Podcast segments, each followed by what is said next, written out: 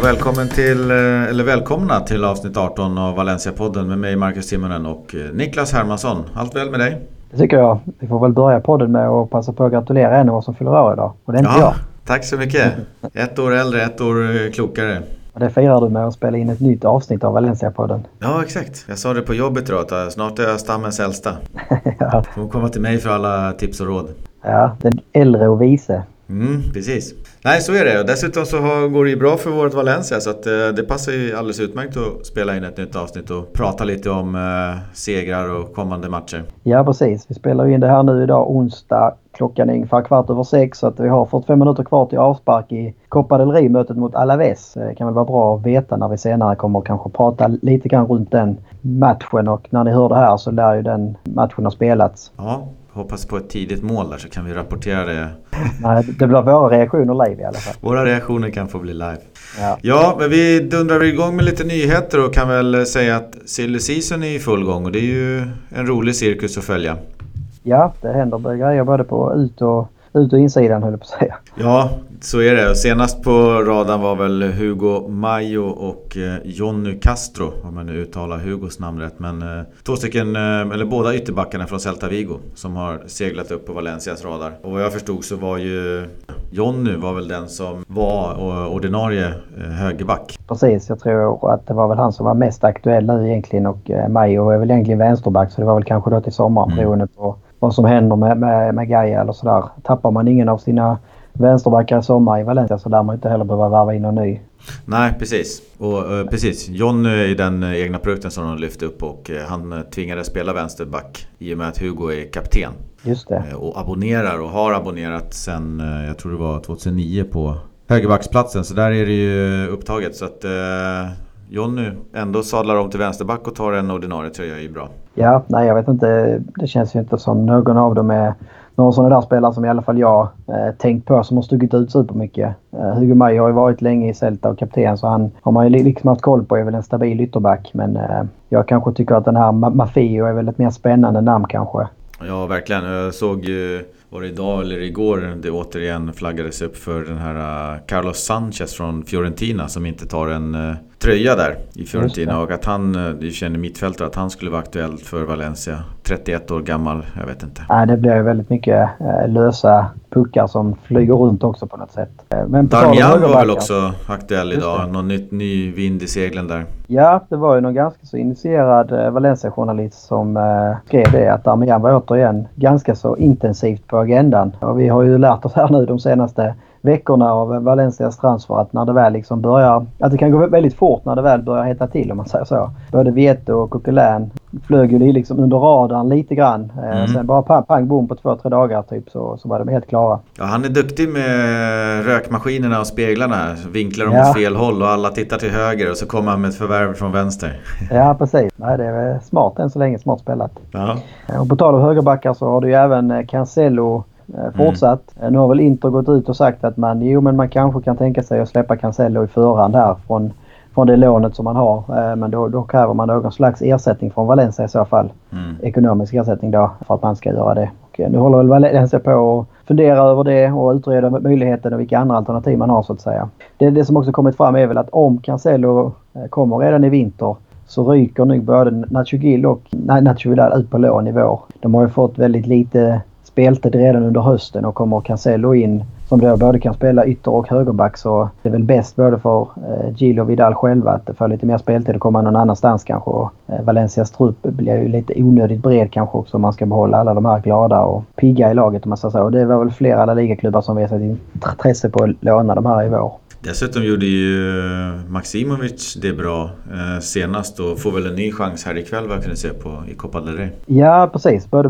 Maximovic fick helt plötsligt spela högerytter och mm. V, eller, uh, Ruben Veso fick ju spela högerback. Mm. Så att, uh, det känns ju som att uh, Marcelino provar runt lite grann och kanske då också planerar för att inte ha de här två spelarna i truppen. Men jag tror inte Maximovic startar ikväll. Jag tror det var Parera och uh, Guedes på kanterna faktiskt. Och, så kanske det var. Och Dogbia och Parejo på inom mitt. Men på tal om Maximovic så har ju hans, hans framtid har varit osäker här den senaste månaden. Eh, sen så, eh, som vi pratade om sist så har han höjt sig rejält sista veckorna här när han fått chansen och har verkligen tagit den känns det som. Mm. Som, vi, som du sa så gjorde han ju det väldigt bra som ytter sist och har ju, gick ju in i koppan också och gjorde en bra match på innermittfältet. Men uh, nu när Coquelin blev helt klar så blev det helt plötsligt ännu mer osäkert för Maximovic och hans plats i Valencia. Han fick knappt spela under hösten eh, och med ytterligare konkurrens på innermittfältet så är väl inte möjligheterna för att få öka speltid kanske sådär superstora för honom. Och han har ju också en VM-plats i eh, Serbiens landslag att spela för i vår. Så att, eh, ja, det luktar väl lite grann utlåning för honom under våren. Och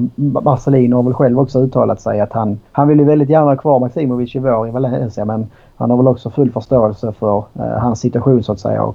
Ja, han eh, är väl kul att ha kvar honom. Eh, han, han är ju eh, alternativet eller breddspelaren och speciellt nu när Carlos Soler är borta då, så är han ju en otroligt viktig spelare. Och senaste matchen var det den första gången jag tyckte att han gjorde en riktigt, riktigt bra match faktiskt. Precis. Nej, och han har ju visar ju här att han då också funkar liksom på mer än en position. Mm. Även om man kanske inte är den där klockrena yttern som i offensiven så är det ett väldigt bra alternativ att ha som ytter när man kanske ska spela en mer defensiv fotboll och eh, där man kanske kan ha en... Jag tänker mig om vi får in en Casello som högerback så kan det vara skönt att ha en högerytter som liksom kan täcka ut bakåt när han eh, tar offensiva löpningar. Och, men ja, det, det är klart att i Maximovic situation så kan jag också väldigt mycket förstå honom att han... Eh, han ser ju liksom att han fick knappt spela i höst och nu, tar liksom Marcelino handplockar ytterligare en inomhittfältare så hamnar han ännu längre bak i kön på något vis. Ja, han får väl äh, åka ner till Kanarieöarna och förstärka upp äh, Las Palmas eller kanske Malaga. Ja, nej, det finns väl äh, flera spanska klubbar som hade varit i stort behov av en spelare som Maximovic. Mm. Ja, absolut. Eh, Kondogbia har ju tydligen då kommit ett bud från Kina, Guangzhou.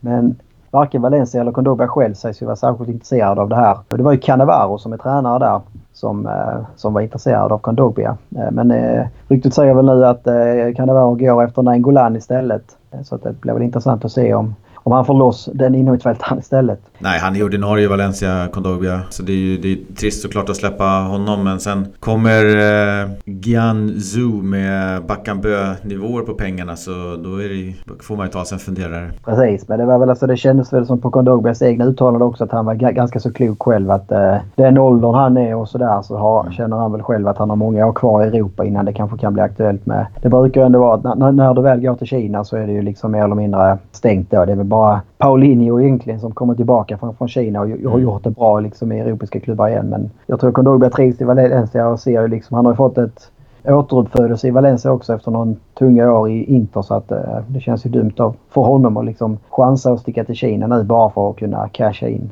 Ja, det känns som han är en av flera spelare som har fått den just eh, på nyttfödelsen i Valencia och, och, det är kul. De uh, verkar visa tacksamhet och lojalitet för det också. De känner ja, att de vill stanna kvar och inte försvinna första bästa utav dem. De känner att det var Marcelino och Valencia som gav mig chansen och, och nu, nu vill jag stanna kvar och se vad det här kan leda. Ja, nej och framförallt alltså sticka så här mitt i säsongen också är väl inte... Jag tror inte det är någon spelare som egentligen önskar det om man nu är ordinarie så att säga. Det är skillnad mm. för de spelarna som suttit bänken hel höst och eh, det kommer ett fönster som öppnar. Då är det klart att då, då kanske man är mer sugen på, eh, på att se, se sig någon annanstans för att få lite mer speltid. Men för, för Kondogbia är inte det fallet direkt. Nej, verkligen inte. Avslutningsvis lite grann på transferfönstret så är det väl Gonzalo Guedes som också är en lite så här veckovis uppföljning vad som händer där. Eh, nu sägs ju prislappen ha ökat rejält här på slutet. Det var ju vet, det var precis innan jul som det kom ett rykte från, eh, det var väl det Kip i Frankrike som då sa att eh, tydligen så skulle Valencia få köpa Guedes för 35 miljoner euro. Vilket jag känner som ett väldigt reapris. Den senaste prislappen som nu börjar cirkulera runt ligger ju närmare 70 miljoner. Vilket egentligen känns ganska så rimligt. Framförallt om man ser på Guedes kvalitet och man ser på hans utveckling i höst. Vad PSG betalat från honom men också om man jämför med lite andra transfersummor som varit på offensiva spelare. Jag menar, kan en, kan en Coutinho gå, gå för 140-150 miljoner så är ju 70 miljoner för, för, för, för Guedes ett klipp liksom. Ja verkligen. Det, det känns som du säger att, eh, mer eh, realistiskt med 70 än 35. För, för, för Valencia är 70 miljoner svårt att, liksom klämma in i sin eh, begränsade Fifa Financial Fair Play-budget. Och det, mm. det, handlar väl inte så mycket om att pengarna ska finnas. Alltså jag, jag tror, tror väl att eh, kanske att Peter Lim hade, kanske inte gärna, men jag tror inte han hade haft några problem med att slänga upp 70 miljoner på bordet för Guedes. Men nu är man ju också styrd av den här Fifa Financial Fair Play-budgeten. Så tycker jag, det är liksom inte att slänga upp 70 för Guedes och köpa Coquelin och köpa köpa Kondogbia till sommaren och övriga nyförvärv som man vill ha in. Utan det, det finns finns ju liksom en begränsad pott att använda och försvinner 70 på en spelare så blir det inte särskilt mycket över tyvärr. Så att, eh, vi får väl hoppas att man kan göra något specialupplägg med PSG på något sätt. Om eh, Peter Lim och shejken där kan eh, hitta någon, något, något upplägg som funkar. Ja, och ligger prislappen på 35 miljoner euro då kan du ju göra ett klipp sen och kanske sälja den för 70 eller någonting. Men om den ligger på 70 då ska du ju ha maximal utväxling på spelarens, eh, ja hans utveckling helt enkelt. Precis. För att kunna sälja den för en och en halv eller en miljard och göra förtjänst så att säga. Att det, det, blir betydligt svårare att göra någon eh, kap eller något klipp där med Guedes om han är så dyr. Ja, rent personligt tror jag det enda chansen att kunna få Guedes på permanent basis i Valencia det är väl att eh, att vi, vi får köpa honom billigt eh, inledningsvis. Säg att det hamnar kring 35-40 miljoner. Men sen har PSG en rejäl eh, procent på eventuell vidareförsäljning. Och eh, om Valencia väljer att sälja Guedes en dag så har PSG alltid första king på att köpa honom för det som Valencia köpte honom för nu. Det vill säga att vi, vi, vi tvingas gå med på väldigt eh, dåliga klausuler egentligen. Men det är väl enda sättet som jag ser att Valencia skulle kunna ha råd med Guedes. Han är alldeles för bra för att säljas för 35 miljoner euro skulle jag säga. Ja, nej men så är det ju. Om vi går vidare. Segern uppe i, i Coruña som vi kommer tillbaka till. Det, det, var ju också punkten för att halva seriespelet nu är spelat. Mm. 19 omgångar in av Valencia, 40 poäng. Bästa första halvan faktiskt sen gulsäsongen 2003-2004. Och jag läste också här att för mig det var att spanska ligan så har det aldrig någonsin varit ett lag som haft 40 poäng efter halva serien som sen eh, bommat Champions League i slutändan. Så att det låter väl lovande. Ja, glatt neråt känns det som att det ökar för, eh, för varje omgång nästan. Villarreal som eh, tog en seger men eh, Real och Sevilla torskade så att det ser bättre och bättre ut. Ja, det var ju Villarreal som knäppte dit Real Madrid på mm. Bernabéu och det känns ju som att Real Madrid är ett betydligt större hot för Valencia på lång sikt skulle jag säga än Villarreal. Så det var ganska så häftigt att de kunde komma till Bernabéu och ta med sig alla tre poängen. Ja, de är väl en av flera lag som har lyckats med det i år. Ja, det känns som Real Madrid har tappat otroligt mycket poäng på hemmaplan. Det var många år sedan de var lika svaga poängmässigt i alla fall hemma på Bernabéu. Så det blir intressant att följa vad som, eh, vad som kommer att hända där. Det känns ju också som om det hade varit någon annan tränare än Zinedine Zidane så hade man nog redan bytt tränare i, i Real känns det som. Men man har väl lite större tålamod med, med den legenden så att säga.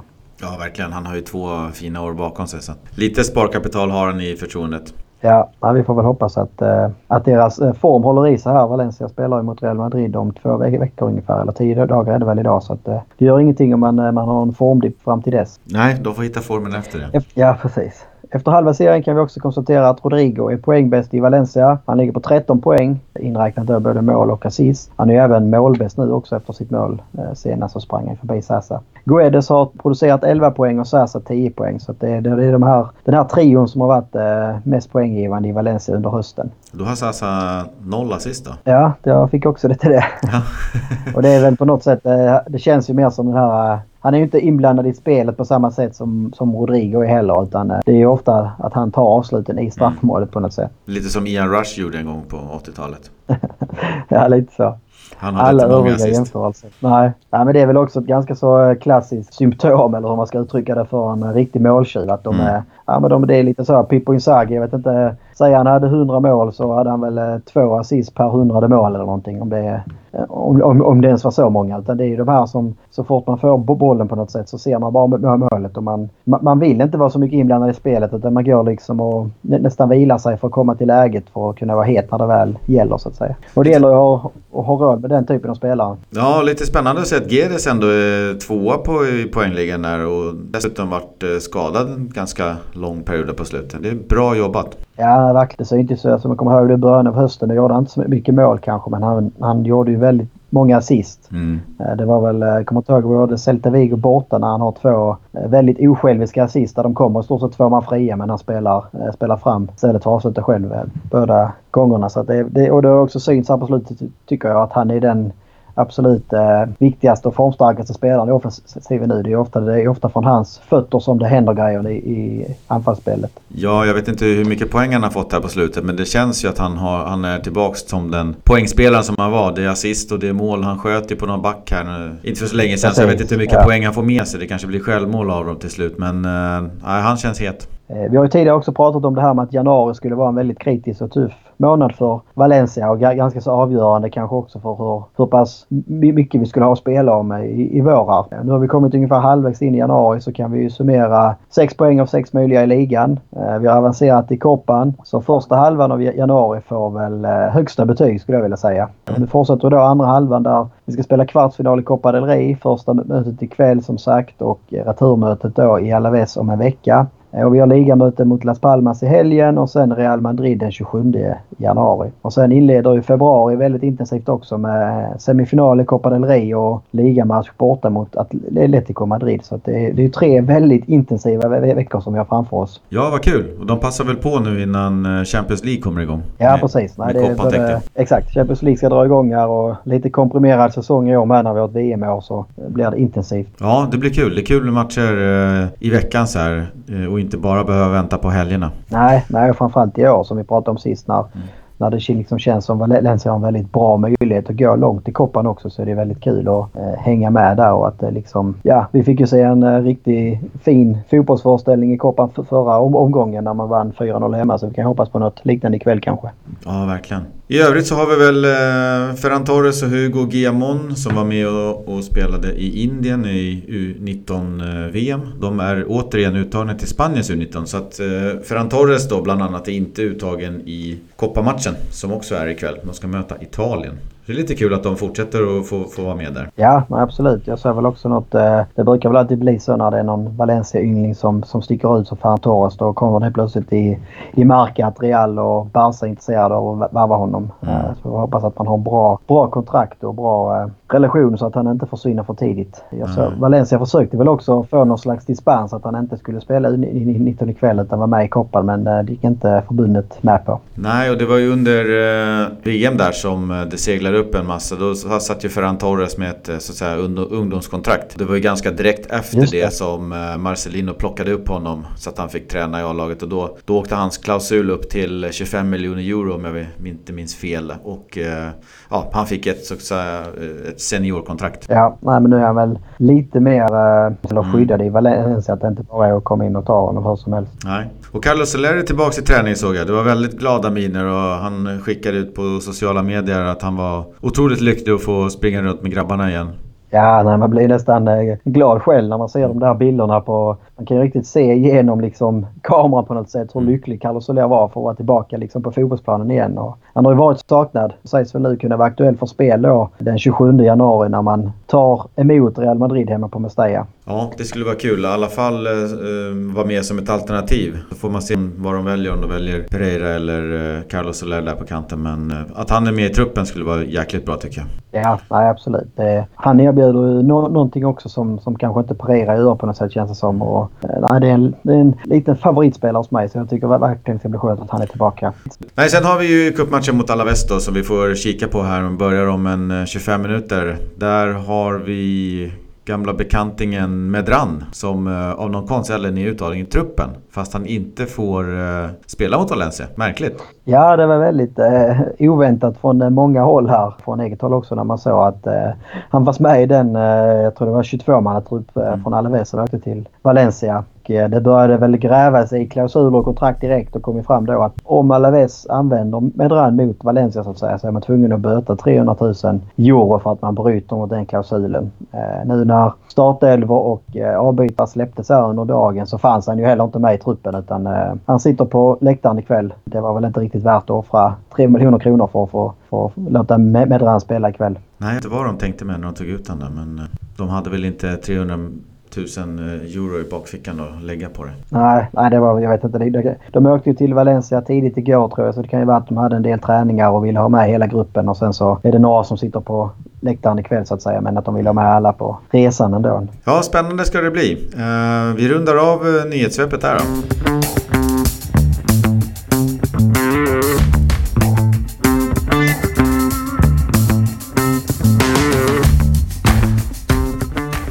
Tänkte vi prata lite grann om den sköna segern mot Deportivo La Coruña. Eh, 1-2 efter ledning med 2-0 och eh, fint, fint spel så kändes det som att eh, vi höll på att tappa det på slutet. Ja, det var lite så här uh, flashback till mm. Betis-matchen där när man hade 4-0 och släppte in ja, tre mål på några minuter. Det kändes ju som att Valencia hade ju stenkontroll på denna matchen. Och det var väl fem, fyra, fem minuter kvar och så får man in ett reduceringsmål om man är lite slappa i försvarsspelet. Och sen mm. släpper man ju till en helt otrolig... Alltså det är otroligt att han inte gör mål på den. Det är väl Adrian eller någonting som får chansen där i 89 minuten. Men från typ en meters avstånd drar han den över istället. Och Coquelin gjorde debut. Han uh, flög in och landade tidigare i veckan och klev rakt ut. Vad tyckte du om hans insats? Ja, det var lite kul med Coquelin. För jag läste ju också att uh, han hade betalat en egen privatjet för att hinna komma till träningen då på torsdagen eller vad, vad det var. Så han skulle kunna få en träning med laget. Sen kom han då rakt in i startelvan och det var väl ganska oväntat. Alltså först var det väl oväntat men kanske inte lika oväntat att han var med i truppen.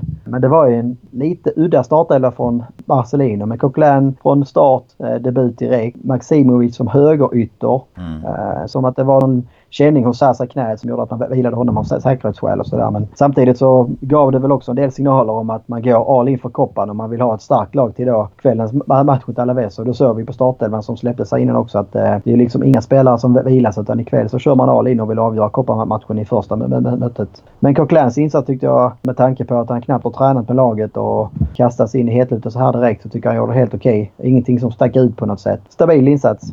Verkligen. Jag tycker också att han eh, skötte sig bra. Eh, man märkte hur han... Eh, det var en hårt jobbande och lite defensivt lagd spelare som tog ett stort ansvar i det defensiva arbetet. Så jag tyckte om vad jag såg. Valencia gör ju liksom... Det är en väldigt stabil insats av hela laget på något sätt. Man har ju ett stort bollinnehav känns det som och man har liksom bra kontroll på allting i en hel match. Och, men det, det enda som kändes lite eh, negativt eller hur man ska uttrycka det var väl att anfallsspelet var väldigt trubbigt tyckte jag. Man, liksom, man, man trillar runt men man, man skapar inte särskilt många chanser faktiskt. Det är ju det är få öppna lägen som man, som, man, som man har egentligen. Och kollar vi då på målen så första där från Guedes är ju ett skott där målvakten gör en riktig mål, målvaktstabbe. Eh, och det andra målet är ett skott från Rodrigo som touchar på en back och som ställer målvakten helt. Så det är ju det är två liksom turmål. Eh, och mm. utöver det så har man ju inte några superlägen att göra mål. Så det är lite trubbigt liksom den sista tredjedelen. Men man, annars överlag är det en stabil match och det är väl också som någon skrev till oss på Twitter där. Det är också den här styrkan liksom att och kunna vinna fast man inte har sin absolut eh, bästa dag på något vis. Ja, och Gedes han har ju ett av de absolut bästa skotten. Det är kul att uh, den där typen av uh,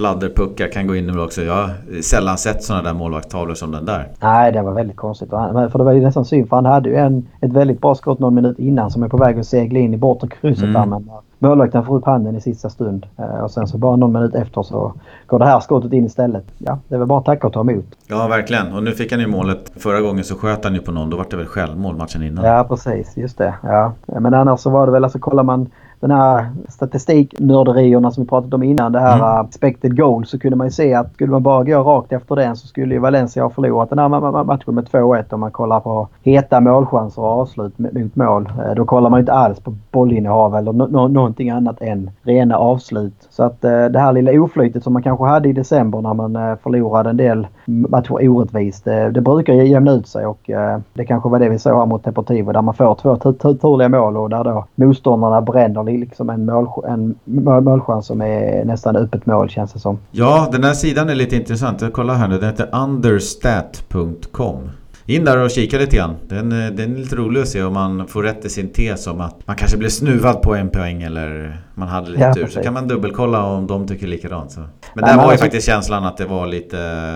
Kryss kanske hade varit mer rättvist då i slut. Sett målchanserna absolut. Sen så är det väl mer Valencias oförmåga tycker jag att inte kunna, kunna skapa mer målchanser med det bollinnehavet som man har. Och man har ett fint passningsspel. Jag tycker man har ett bra försvarsspel fram till då till 50 minuter eller någonting. Så att kollar man bara hur matchen såg ut så tycker jag Valencia vinner helt klart rättvist. För man var bättre lag. Men man hade liksom otroliga problem att få till det sista tredjedelen. Och det känns väl återigen, nu har väl jag varit inne och klankat på honom kanske väldigt mycket på slutet men jag har ju inte riktigt, kan ju inte riktigt se Santimina som en startspelare i det här laget. Jag tycker man, mm. man behöver ha Sasa eller Vieto på plan eh, när de är tillgängliga. För att det, Santimina är en väldigt bra inhoppare som kan komma in med sin riviga stil och, och liksom när försvararna börjar bli lite trötta. Men, men han är alldeles för statisk och alldeles för oteknisk och bidrar för lite i spelet eh, kan jag tycka. Han är ju mer av en... Han ska ju inte ha bollen så att säga i spelet. Han ska bara stöta in den i mål och där är han ju bra för han är ju lite gubben i lådan och jag tycker hans styrka ligger ju i positionsspelet i målområdet eh, sista tredjedelen. Där är han ju bra. Han, han sniffar upp chanserna så att han är där men. Eh, han lämpar sig ju, han är en riktigt bra inhoppare så jag har jättegärna kvar han och, och ger honom en massa inhopp när man behöver spetsa till saker och ting. Ja, men det är nästan skönare att ha han på bänken och kunna slänga in än, äh, än att starta honom på något sätt. Sen så blir det väl också lite grann äh, lidande att äh, det var ju i stort sett bara vänsterkanten som, som vi anfall på. Mm. Vi hade Veso på högerbacken och Maximovic som högerytter. Två liksom dels ovana positioner och två spelare som kanske då har sin, sina styrka mer i defensiven än offensiven. Det är ju liksom ingen Guedes i Maximovic som utmanar och kommer runt eh, på inlägg eller så här utan eh, han gör ju liksom en väldigt stabil insats och gör inte mm. bort sig men han är inte samma hot i offensiven som, eh, som andra yttrar här kanske. Nej, vi får se vart hans plats blir. Ja, men det, var, det, blev, det blev tre poäng och det är väl det enda vi, vi liksom, eh, i stort sett behöver bry oss om. Och som vi sa innan så tappade både, både Real Madrid och Sevilla förlorade så att det blir liksom en helg där vi dryger ut med, med tre poäng till de två största konkurrenterna om eh, tredjeplatsen känns det som. Ja, nu är det ju 11 poäng upp och det är Precis. 9 poäng ner. Och de ja. nio poängerna känns det ju som att det ska ganska mycket till eh, att vi ska tappa. För det är 11 poäng ner till Sevilla på sjätteplatsen. Det är Villarreal som ligger bakom det. Så att, eh, det ser lovande ut för Champions League. Det är bara att fortsätta. En till sån här halv säsong här nu. De sista 19 omgångarna så ska det vara i hamn. Ja precis, så kollar man liksom jämför man mot Sevilla där, där vi har 11, 11 poäng ner till eh, Sevilla. Ja. Eh, och då har vi då dessutom 4-0 på hemma på Mestalla så det är nära på en poäng extra där också. För det är ju inbördes möte som räknas som man hamnar på samma poäng. Just det. Så det är nästan 12 poäng vi har på Sevilla. Och Villarreal tror jag kanske inte riktigt har eh, bredden eller spetsen att kunna orka slåss om fjärdeplatsen hela vägen fram. Så att eh, komma topp fyra ser ju allt eh, ljusare ut faktiskt. Och samtidigt får man väl också säga att Sevilla, de har ju inte fått den effekten som man kanske hade hoppats på med tränarbytet med Montella här. Utan det har ju snarare blivit tvärtom med två raka förluster här istället. Sen är det klart på längre sikt kanske han kommer få ordning på det där. Men eh, ja, nu har man 12 poäng som man ska jaga ikapp och ett Valencia som ser ju väldigt stabilt ut. Och man ser ju liksom inga tecken på att det ska komma ett ras i Valencia. Utan så länge Valencia tuggar på. Och det är klart att man inte kommer vinna alla 19 omgångar som är kvar. Men jag tror heller inte att man kommer komma in i någon formsvacka där man förlorar 3-4 i rad. Nej, vi får hoppas på det. det. Har börjat bra första halvan av januari så får vi se hur det fortsätter. Ja, nej, det vore otroligt om vi skulle stänga säsongen på 80 poäng. Det hade varit helt sjukt faktiskt. Ja, det är svårt att, att vinna över Barcelona som redan har 51 men eh, på 80 poäng ska vi väl nog komma minst trea. Ja, det känns så. Vi vet ju att både Atletico och Real har ju ett eh, Champions League-slutspel här i vår och båda lagen är dessutom kvar i koppan. Så att eh, det kommer att bli tätt matchande för dem hela vägen fram och kan Valencia liksom vara lite smarta i sitt matchande i koppan och ligan som man ser här nu så eh, kan man ju säkerligen vara lite piggare och fräschare och undvika de här minorna som, som man kan öka på annars när man har lite slitna spelare. Ja, viktig seger mot Deportivo i regnet och, och faktiskt haglet där så vi bokför eh, tre poäng. Absolut, det var sköna poäng.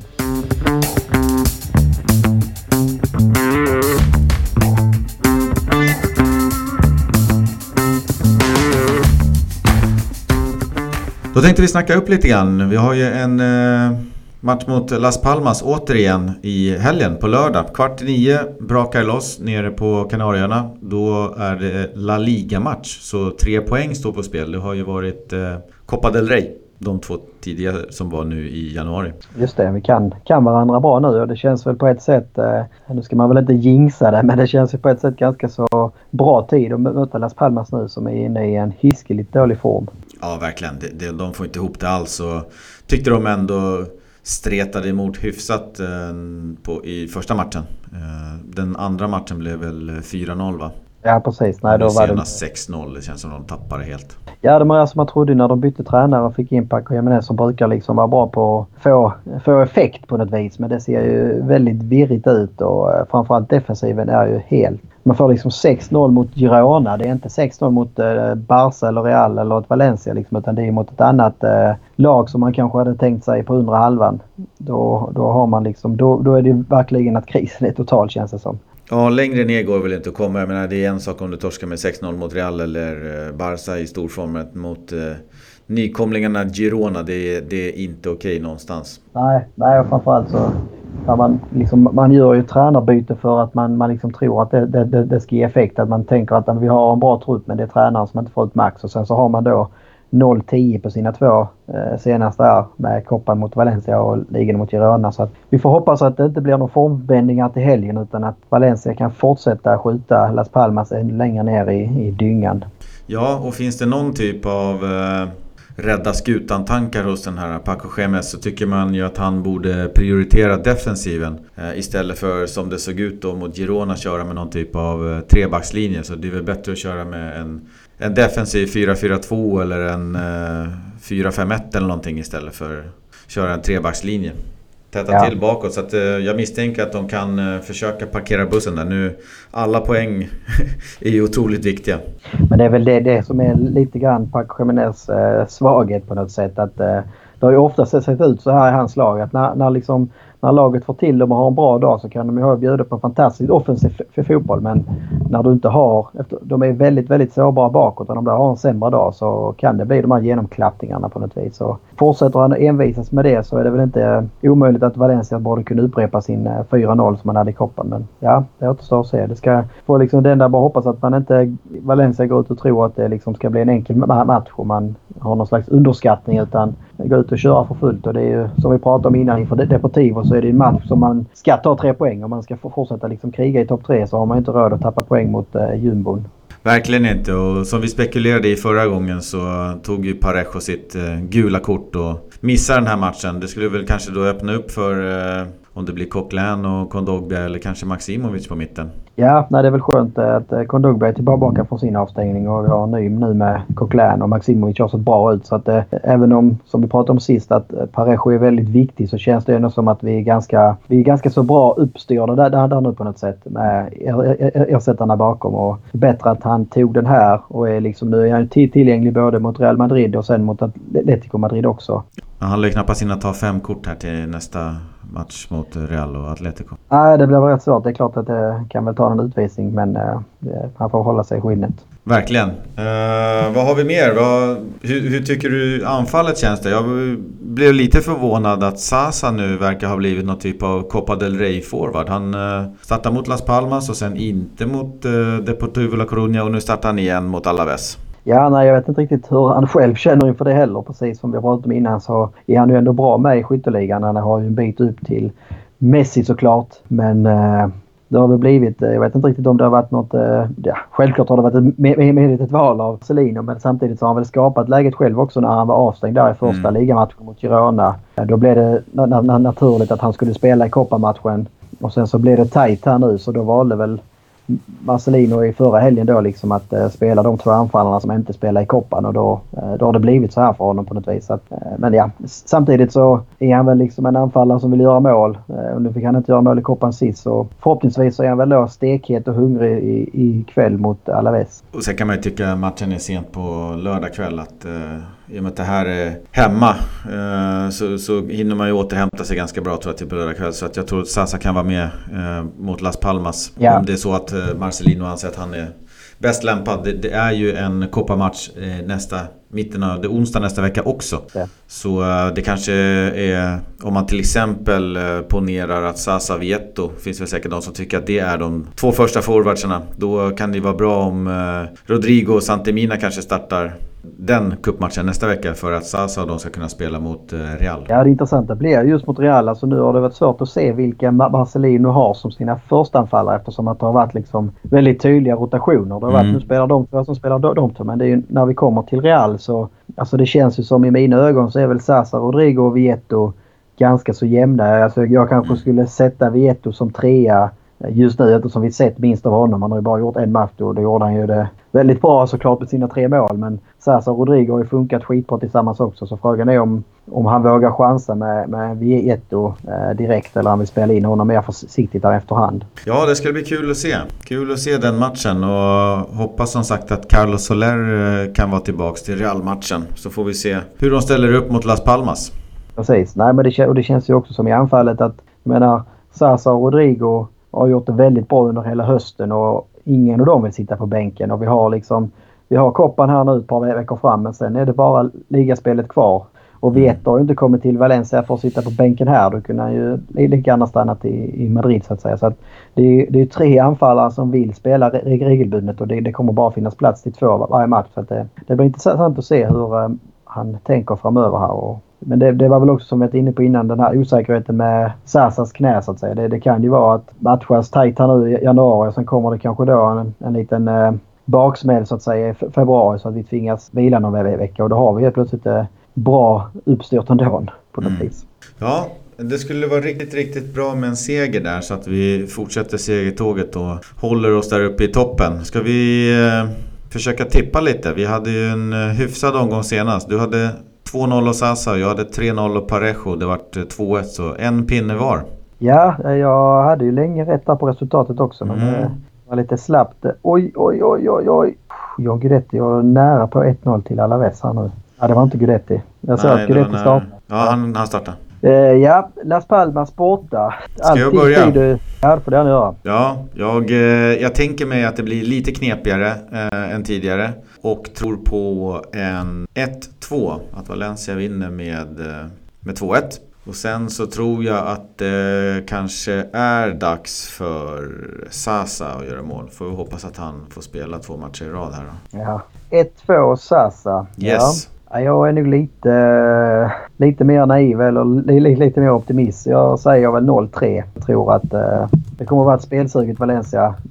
Den konkurrensen som vi pratat om här i avsnittet tror jag också gör att många spelare liksom känner att de behöver maxprestera för att, för att liksom behålla sin plats. Och alla spelare vet att det här är sista ligomgången inför stormötet med Real och där vill alla starta. Så att eh, jag tror att de offensiva spelarna som startar på lördag kommer vilja visa att eh, det, det är de som är hetast just nu. Så att eh, jag tror samtliga offensiva spelare kommer att vara sugna på att göra mål och den som gör första målet blir ju då eh, Rodrigo.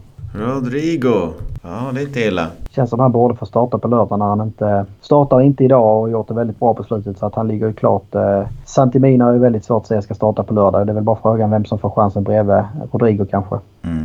Visst var det ett tag sedan han gjorde mål, Rodrigo? Han gjorde ju det här sist och jag vet inte om han fick det eller inte. 2-1 målet som han sköt som studsade på en backin. Jag tror nästan han fick det. Ah, okay. Men innan det så var det ju ett tag sedan. Det var väl han, både han och Sars har väl haft en liten, liten torka i ligaspelet känns som. De var ju otroligt heta där i, under oktober och november. De hade öst in mål varje match mer eller mindre. Ja, speciellt Sasa. Man undrar han att få göra lite baljor. Man såg att han var sugen senast i koppan när Vietto kom in ja, och körde. Nej, Precis. Ja, men det är väl bra. Eh, Vietto verkar vara i bra målform och Sasa som liksom känns het och liksom bara väntar på att få den här lilla ketchup-effekten som han hade i höstas. Så mm. Vet vi vad han kan göra när han hamnar i zonen. Då kan det väl liksom vara... Det var väl ett tag som han hade vad var det, sju mål på sju skott eller någonting. Så att, eh, det är bara att hoppas att han hittar den zonen igen. Ja, exakt. Men då så. Då börjar det bli dags att sy ihop. Jag tror vi har hållit på en, en halvlek nu. Och eh, som vanligt, svenska fans, Facebook, Twitter, Instagram. Det är bara att söka upp Valencia-podden och hänga med oss där. Eh, och sen så har vi våran sedvanliga mail, valenciapodden gmail.com. Hade du något mer roligt att tillägga? Nej, det har vi väl inte. Vi hoppas att eh, vi om en vecka när vi sitter här kan summera ett bra utgångsläge i Copa del Rey och en ny ligaseger helt enkelt. Ja, det får vi verkligen hoppas. Så väljer vi väl att avsluta som vanligt med ett eh, hasta luego. Hasta luego.